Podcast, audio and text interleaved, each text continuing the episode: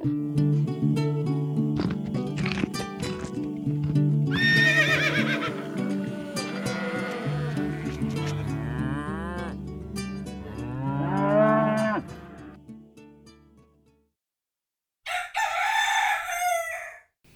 hei! Hallo. Velkommen til Gjengevold pludrekast.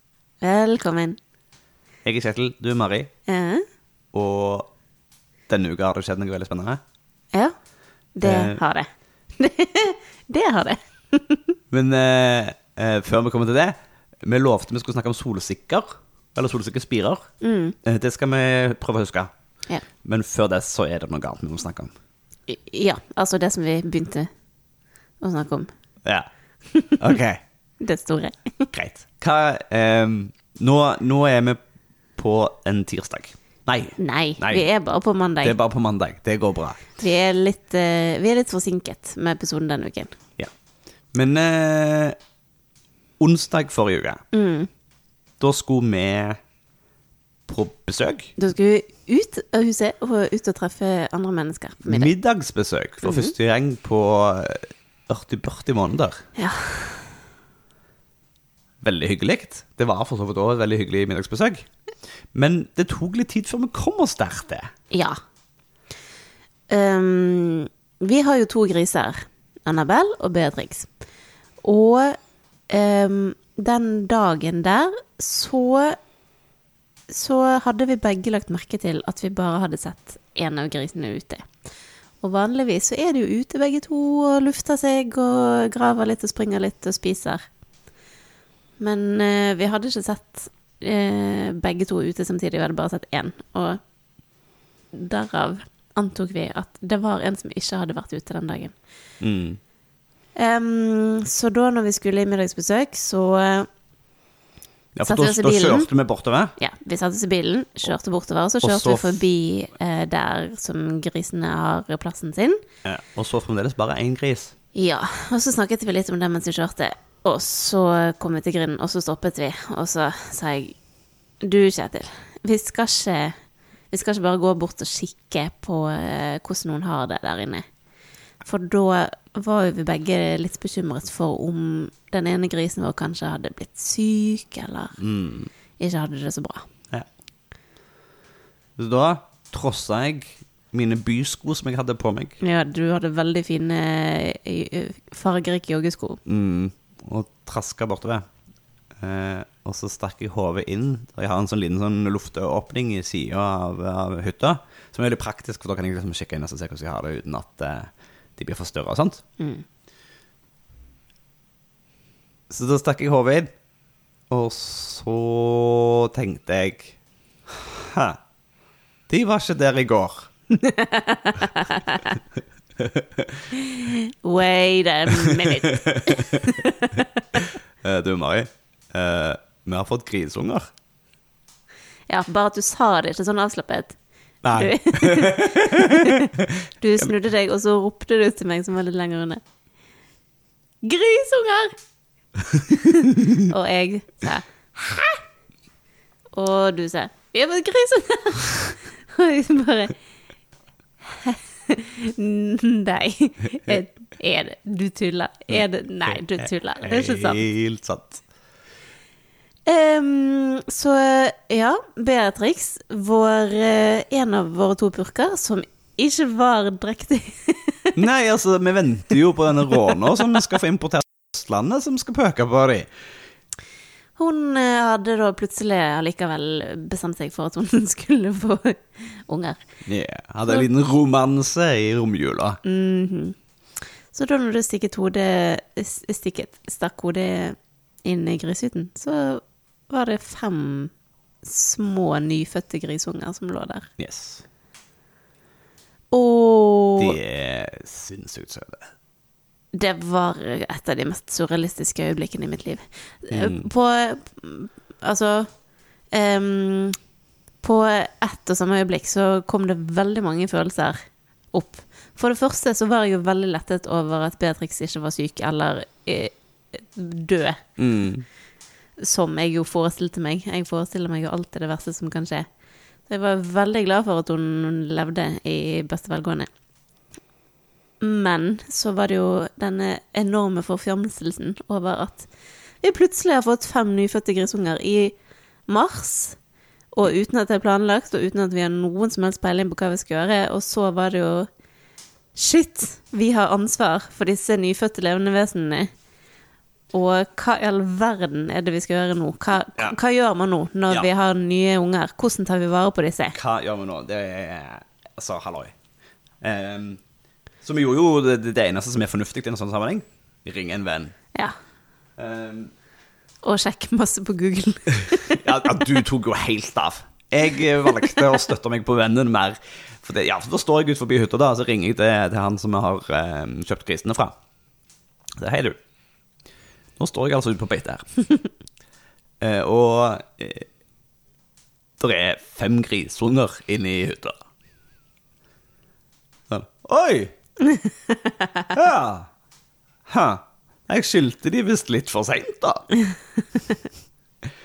Um, så eh, han ble jo litt overraska, han òg.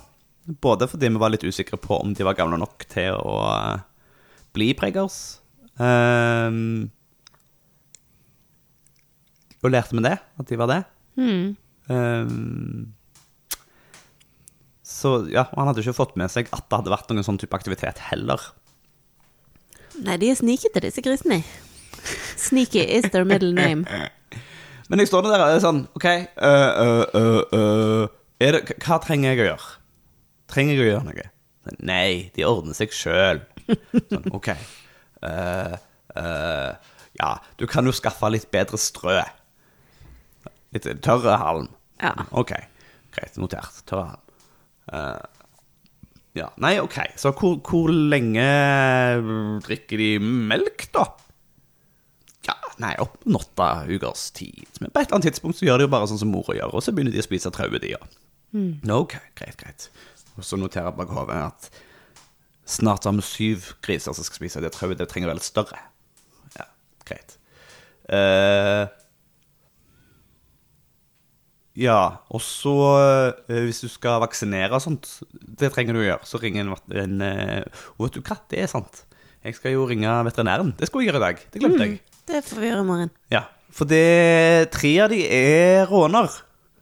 Og det betyr snipp, snipp. Ja. Og snipp, snipp bør helst skje så fort som mulig for at det skal være minst mulig traumatisk for deg, basically. ja. Og for de som ikke er inne med lingoen din, Kjetil, så betyr snipp, snipp uh, at de skal steriliseres. Ja. Ja. Som, um, som er normalt med, med råner som skal bli uh, Som skal få lov til å vokse opp uh, forbi skjønnsmoden alder, da. Så det er jo rett og slett for at de eh, Det, det er to grunner til det. Det eneste er at de ikke skal pøke på noen uten at vi har kontroll på det. Eh, og det andre er at kriser kan utvikle denne såkalte rånesmaken. Mm, den den eh, be, be, befryktede, be, for, be, Beryktede. beryktede og fryktede Og fruktede. rånesmaken. Befrukta er noe annet. Det var det som skjedde i romjula. um, ja, og det er, jo, altså det er jo sånne hormoner og greier som setter seg i fettvevet, og som Jeg lurer på om det er 10 av befolkningen Jeg husker ikke tallene, så jeg ikke, tar, ikke siter meg på det. Men jeg tror, altså det er relativt låg andel av befolkningen som faktisk reagerer på det. Er ikke det fascinerende? At det er noe som bare en liten andel av mennesker faktisk kan smake.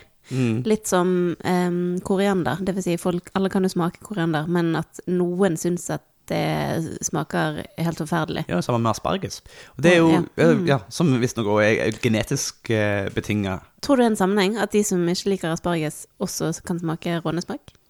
Det hadde vært urettferdig Det å få hadde vært alle de kjipe tingene samtidig. Eh, Men i hvert fall avsporing. Anywho, poenget er i alle fall at for sikkerhets skyld For det er ikke alle råner som utvikler det, og det er ikke alle folk som smaker det. Men for sikkerhets skyld, for at du skal slippe at en stakkars eh, kunde får i seg noe kjøtt som de syns er helt forferdelig, så blir det snipp, snipp. Ja, og for at vi ikke Og der er der er ha ukontrollert paring, da. Ja, ja, det, det er jo fint, det. da. Der kunne vi jo for så vidt holdt i hver for seg og sånt, at det finnes jo løsninger. Mhm. men, eh, men ja, vi så jo hvor godt det gikk. ikke sant? Nei, men, men eh, akkurat denne snippsnippen eh, og sånne ting er jeg litt spent på. Fordi det skal jo da gjøres mens de er såpass små. Og purker er, og alle sånne dyremødre har jo sterke instinkter på å passe på babyene sine. Så Ja, men noen dyr er lettere å håndtere enn andre i så måte. Altså, ei ku har en hals og et hode som gjør at du kan eh, feste den fast til noe, for eksempel. Eh, sammen med sau og alle de greiene der. at- Altså, det, det finnes muligheter til å midlertidig håndtere. Mens griser de er ikke så himla enkle å tjore fast. De er ikke så enkle å sette opp et stengsel imellom heller, for de er jo som rambukker. De Springer rundt i denne 150 kiloene, så jeg kan pang, smeller gjennom hva som helst hvis de vil gjennom. Så jeg er veldig spent på Så langt så har jeg jo fått lov til å gå inn og tafse på henne og ta på grisungene uten at jeg har blitt jagd. Ja. Hun har, hun har vært helt fantastisk. Og jeg har gått inn i hytta når hun har vært ute og spist, og det har ikke vært noe problem. Samtidig så har jeg også vært forsiktig, så jeg har jo ikke løfta og holdt på en grisunge som har begynt å hyle over tid. Nei.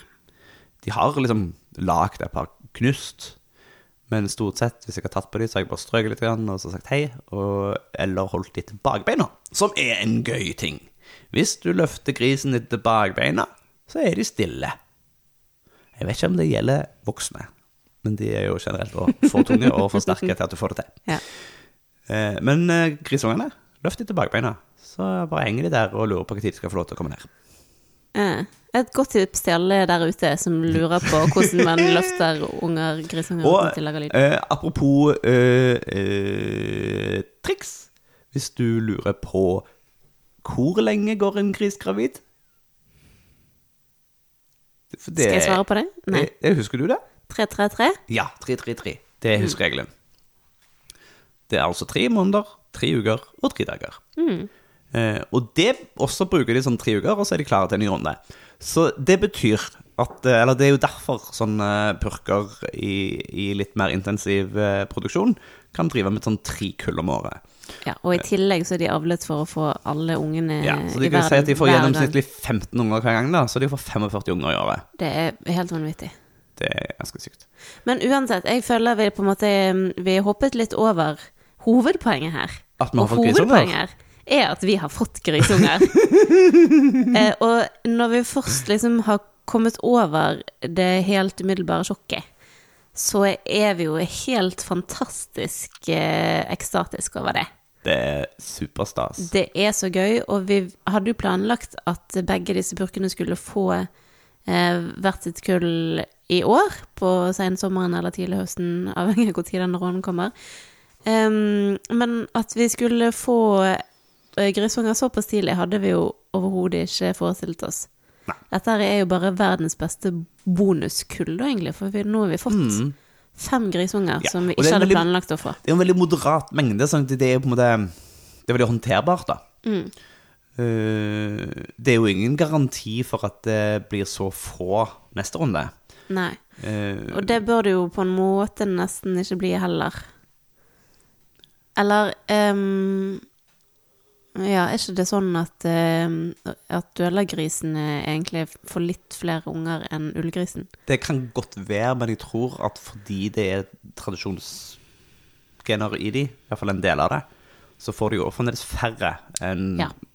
vanlige sånn Ja, ja. norsk landsvin-greier. Og det er jo det vi vil. Vi vil jo ikke ha 15. 15. Nei. Men eh, åtte av ti, kanskje? Ja. Det tror jeg er helt realistisk å forvente seg. Mm. Eh, Så det betyr jo da, bare så basert på Ja, vi kan på to purker få et eller annet sted mellom 10 og 30. ja. Det er jo lett å planlegge med. Ja, det får vi jo bare Da får vi bare se. Ja. Det som er fordelen med disse, da, er jo at de har, har så mange patter. Sånn at de kan jo faktisk serve alle disse ungene. Ja, og det var så godt å se at alle ungene fant, fant pattene, og at det, var nok til alle. Jeg var inne der dag i dag, og da eh, lå hun på sida og var melkestasjon. lurte på hvorfor hun ikke kom springende når hun kom med maten. For jeg visste hun var litt sulten. Hun var opptatt. Hun var opptatt som melkestasjon, og da eh, var det så gøy å se. eh, For da, da var det sånn Det var hang fast hele gjengen, da. Men så var det en i midten som ikke helt klarte å bestemme seg for om det var liksom den til venstre eller den til høyre. Så, så, først det den på den høyre, og så Å, å nei, å, hvor, hvor ble det av han? Å, nå, jeg tar den der istedenfor. Og så føyk sånn fram og tilbake. Og de er, de er så søte. Herlighet. De er megasøte. Så vi har to som er svarte, og så har vi tre som er stripete. Yeah. Og vi har fått flere kommentarer på at de ligner på villsvinunger. Og yeah. det gjør de jo. Og det er nok den uh, halve, hange, halve ullgris eh, eh, genpoolen som Mm. gjør at de ser sånn ut. Ja. Men om de kommer til å fortsette å se sånn ut, det Nei, det forsvinner. Mm. De blir svarte. Eh, Etter hvert som de begynner å bevege seg mer, og vi ser mer til dem, så skal vi selvfølgelig ta masse bilder og videoer og legge ut. Eh, Vi slo eh, Instagram-rekorden vår med det første bildet vi la ut av grisungene. Mm. Både på likes og kommentarer, og det var generelt uber god stemning. Stor stas. Og så var det så godt å gå inn Jeg var jo veldig bekymret for de den kvelden når de var helt nye, og vi Og det hadde blitt eh, mørkt, og vi for så vidt var borte på middagsbesøk. Og det var eh, Det var ganske kaldt. Det Ja. var omtrent eh, null. De hadde, de hadde jo noe halm de lå på, men den var ikke så fluffy.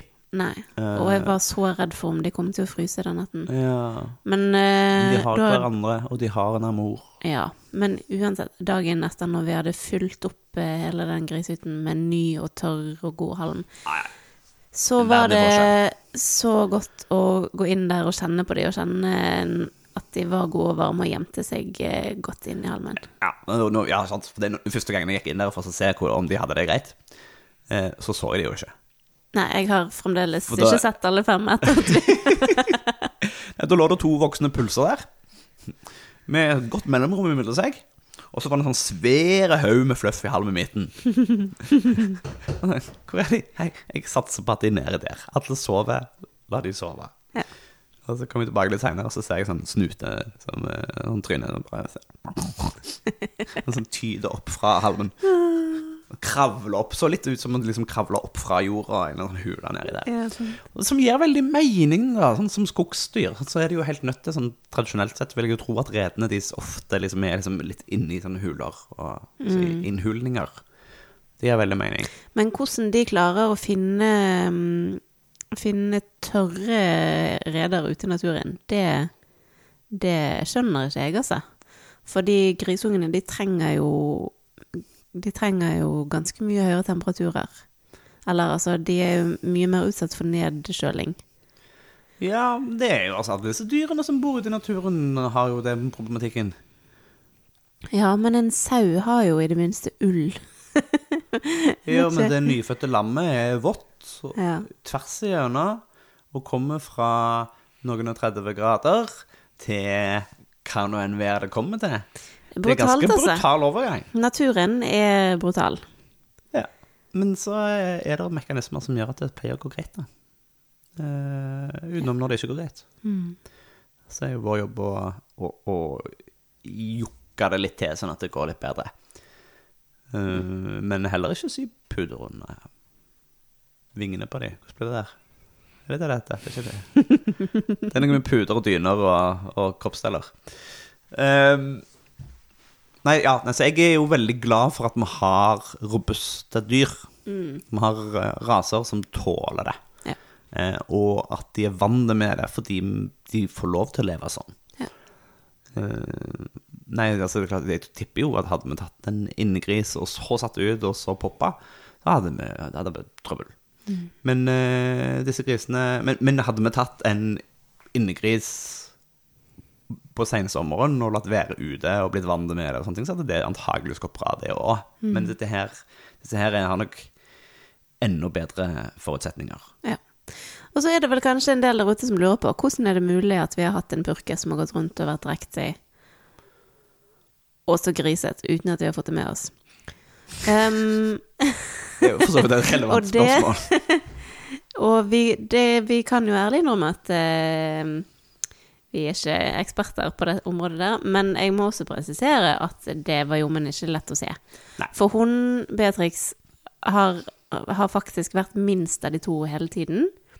Vi har ikke hatt noen av de grisene så veldig lenge, så vi vet på en måte ikke helt hva som er normalt for de.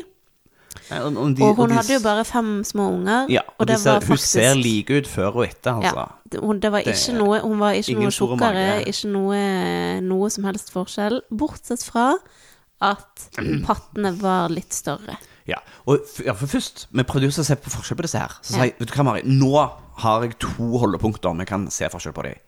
Manken til Annabelle er litt fyldigere. Mm. Men de er, de er skikkelig like, altså. Det er vanskelig å se forskjell på dem, spesielt på avstand. da. Ja. Galskap. Annabelle er òg litt mer kontaktsøkende. Og litt større, syns jeg. Det kan være. Eh, men så sa jeg Men hvis du ser på pattene til, til Beatrix, Ja. Mm. så ser du at de de er litt større. Eller ja, altså bryst, liksom, brystvortene var det fyldigere, liksom. Mm. Eh, og så gikk det på en måte to dager, og så var det masse små der. Ja. Eh, og i det mellomrommet der, så hadde de pattene plutselig blitt kjempestore. Mm. Altså, så nå, går det jo, nå er det jo masse pupper som henger under Er magen på henne. Ja. Nå er det lett å se. Men eh, Men det var det ikke før, altså. Nei, og det var jo ikke i hodet vårt heller at det var noe vi skulle se etter. Nei. For hun hadde jo ikke møtt råna si ennå. Nei, hun var jo ikke gravid. Men, men. Ok. Lære så lenge vi Det gjør vi. Så eh, nå vil vi jo eh, være bedre rustet neste gang når vi vet hva vi skal se etter. mm. Ja, ok. Skal vi da prate litt om Solsikkespirer? Ja? Ja, det kan vi gjøre. Det blir nok mer griseprat eh, etter hvert. Ja. Spesielt eh, oppdateringer når de begynner å bounce rundt. Det blir bra. Ja, for foreløpig har det jo bare vært inne i hytten sin. Ja. Mamma passer på at de ikke går ut. ja, I dag så var det et par som lurte på om de skulle gå ut, og så lukta litt på regnet. Og da stoppet Beatrix opp og bare sjøfla de inn igjen. Det skulle hun ikke ha noe av. Nei. Da var ikke nok til det. Og så gikk hun ut og spiste. Ja. Så eh, Å, herlige dyr. OK, solsikkespirer. Ja, Hva skjer med de? de har vi begynt å vokse. De har vi begynt å gro. Eh, dyrke. Ja. Det de, ja, for det er de som gror og vokser. Sånn, De gror og vokser. Um, nei, det er jo da vårt uh, Et av våre nyeste produkter. Som um, vi dyrker eh, som en, en mikrogrøntplante Mm. på jord. Og um, Har prøvd litt forskjellige måter å gjøre det på. du, vi har prøvd så mye. Og vi har jo he- Hele det der mikrogrøntprosjektet har jo vært et endeløst stort prosjekt som vi har brukt masse penger på og aldri kommet fram til. Aldri landa på For et eller annet som vi syns Nei, for vi tenkte bra. jo at mikrogrønt, det må vi kunne drive med om vinteren, og det kommer til å bli så bra. Og så handlet vi masse forskjellige sorter, og tenkte å teste ut alle sammen. Og det gjorde vi for så vidt òg. Men eh, selve resultatene var jo heller begredelige. Det var, syns jeg, mange som ikke spirte så bra. Og vi fikk liksom ikke helt dreisen på det, og så klarte vi ikke helt å finne ut hva vi skulle dyrke det i, og så hadde vi litt ulike varianter, små potter og sånn, som bare var supermasse arbeid og ikke ble så mye resultat. Og i tillegg så var det ganske mange av de som vi ikke syntes smakte så veldig godt, skal vi være ærlige. det var æsj. Men så testet vi ut solsikkespirer, og da bare spirte vi de i glass. Og eh, smaken på de var veldig gode. Mm. Så da eh, bestemte vi, vi, jeg, meg, for at ok, men da, da prøver vi det. Da kjører vi på med det. Og så kan eventuelle andre ting vente til senere. Vi kan teste ut dette her og se om det er noe folk har lyst på. Eh, så da begynte vi å prøve å dyrke det på sånne store brett, da. Eh, som egentlig er eh, vanningsbrett til til um, sånne pottesett. Ja, eller så de er ikke helt optimale. Nei, men de er heller ikke helt uoptimale. Fordi det man vil ha, er jo et, et flatt brett utenfor høykant. kant. Sånn at det går an å klippe Mm. av spirene. Um, og nå har vi testet det et par runder, og solgt litt glass på Reko. Og vi har vel Ja, vi har vel faktisk bare hatt én utlevering med de foreløpig, og så skal vi ha en til nå denne uken.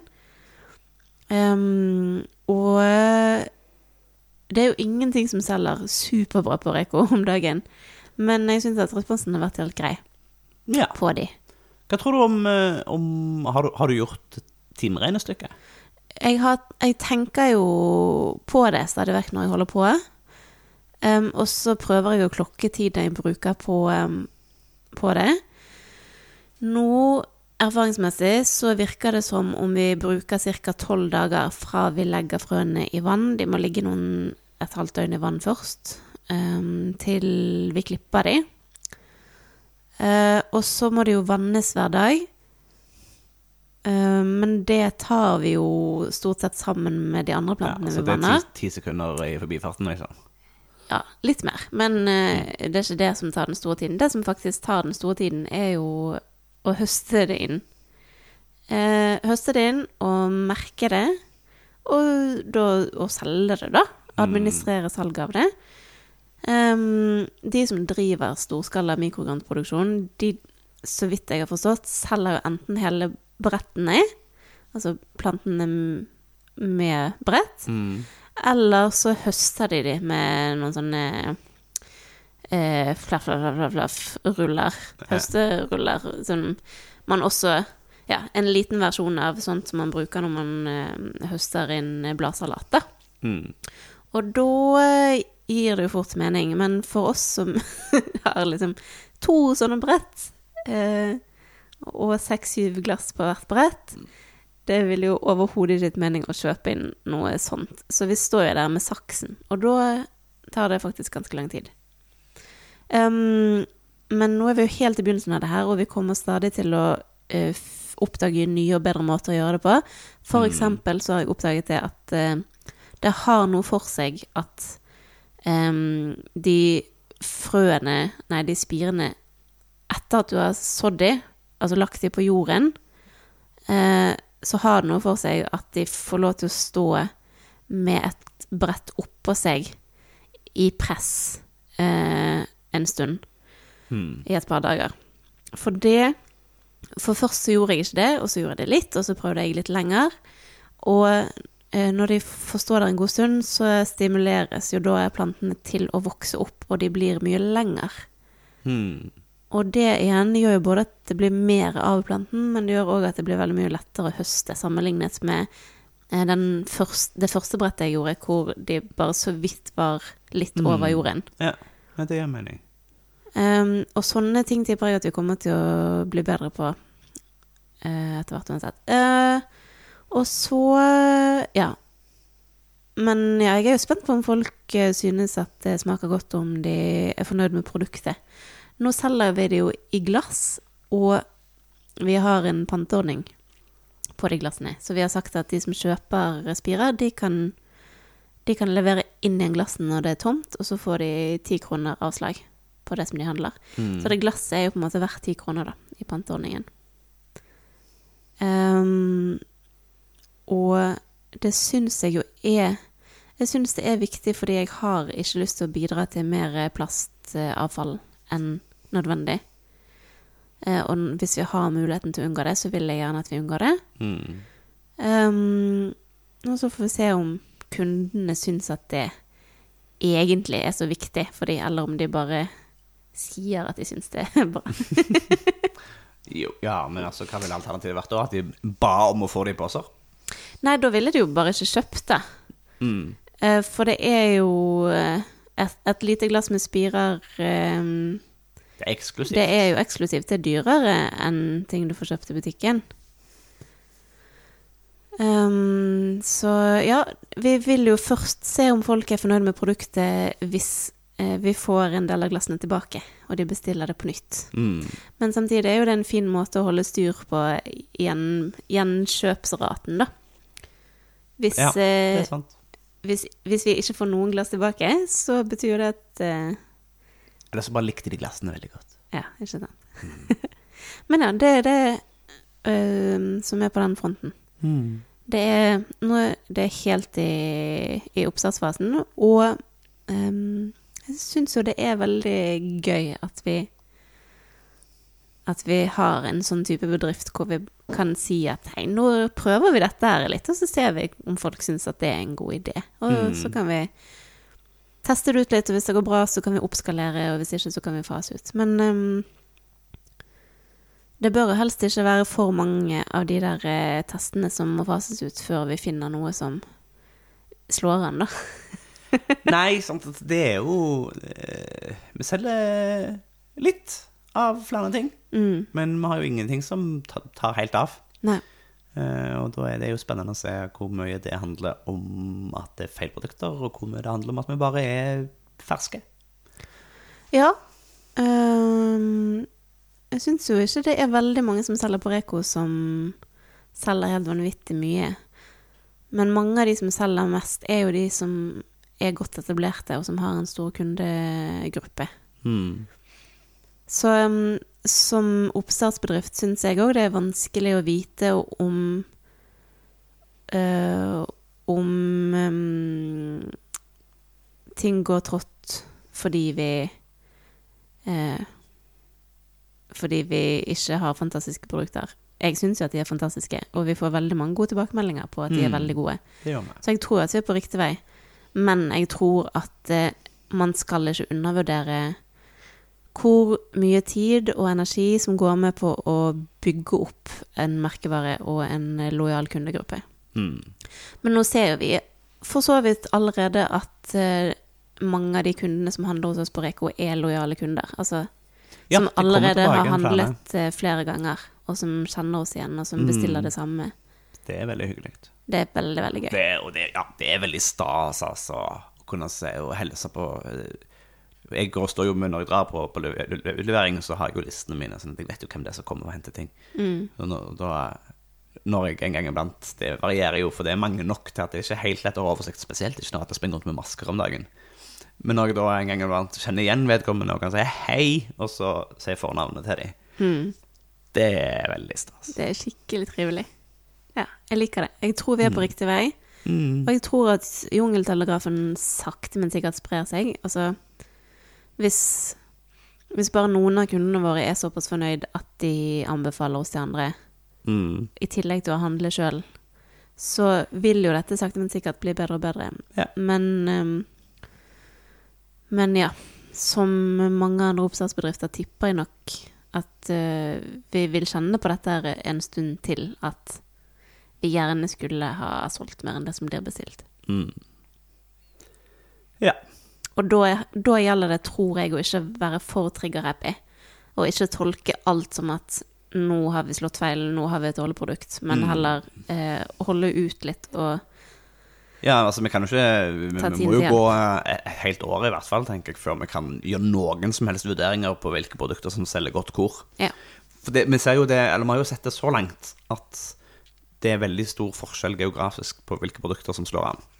Ja. Eh, Men plutselig så eh, dukker det jo opp allikevel folk som har lyst til å handle det andre steder og sånne ting. Mm. Så eh, om vi bare ikke har truffet rett folk ennå, om det er sesong om det, det, det er så mange parametere da, sånn at Ja. det er jo veldig vanskelig. Og sesong har jo så mye å si. Hvis vi eksempel eh, til neste høst igjen eh, kommer til å se at salget tar seg kjempemye opp før jul på de samme rekoene, Mm. så er jo det bare en indikasjon på at ok, sesong har veldig mye å si.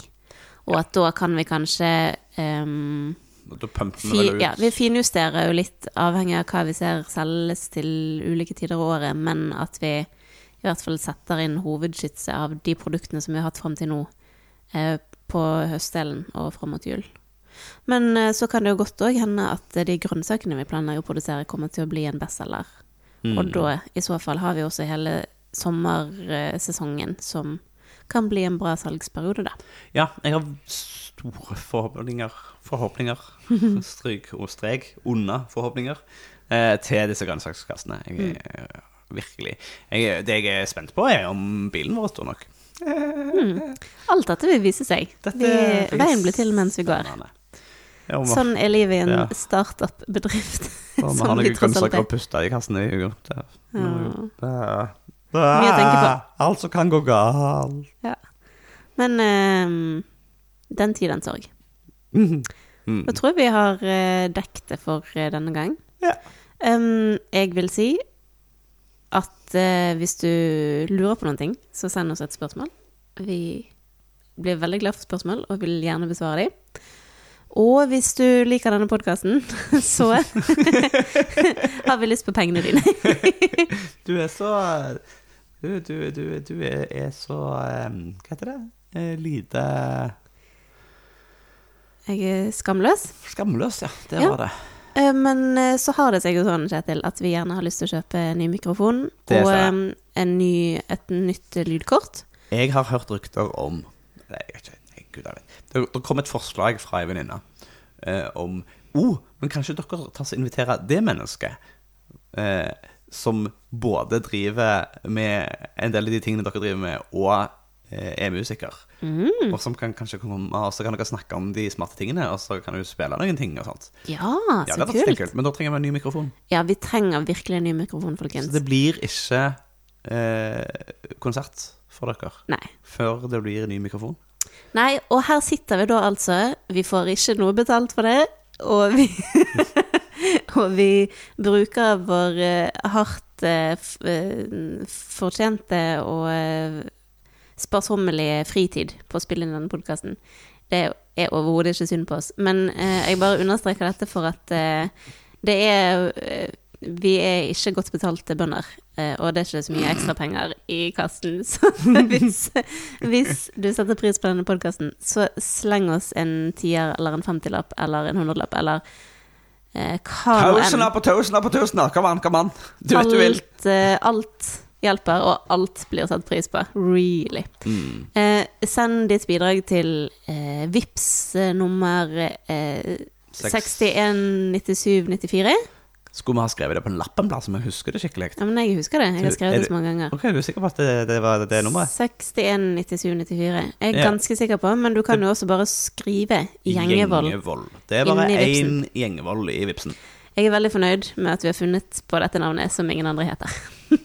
Veldig praktisk. Så og, Skal du og ta merk be det med podkast, da. Ja, ikke Så sant? vet vi hva det går til. Ja. Mm. Takk. Tusen takk til dere to stykker der ute som kanskje Nei da, det Nå må du slutte. Jeg slutter. Flott. Eh, takk for nå, da. Ha ei god uke. Ja! Og så snakkes vi neste uke. Plutselig. Ha det bra. Tudelu! Tusen takk for at du har hørt på Gjengevold pludrekast. Hvis du har en tilbakemelding på podkasten, så blir vi kjempeglad for å høre fra deg. Er det noe du syns vi skal snakke mer om, eller noe vi bør snakke mindre om, så kan du sende oss en melding på e-post på hallo-gjengevold.no. Du kan også komme i kontakt med oss på Facebook på Gjengevold mangesysleri, på Instagram ett mangesysleriet, og på nettsidene våre gjengevold.no. Vi setter utrolig stor pris på å høre fra deg, og vi blir ekstra glad hvis du har lyst til å dele denne podkasten med en venn.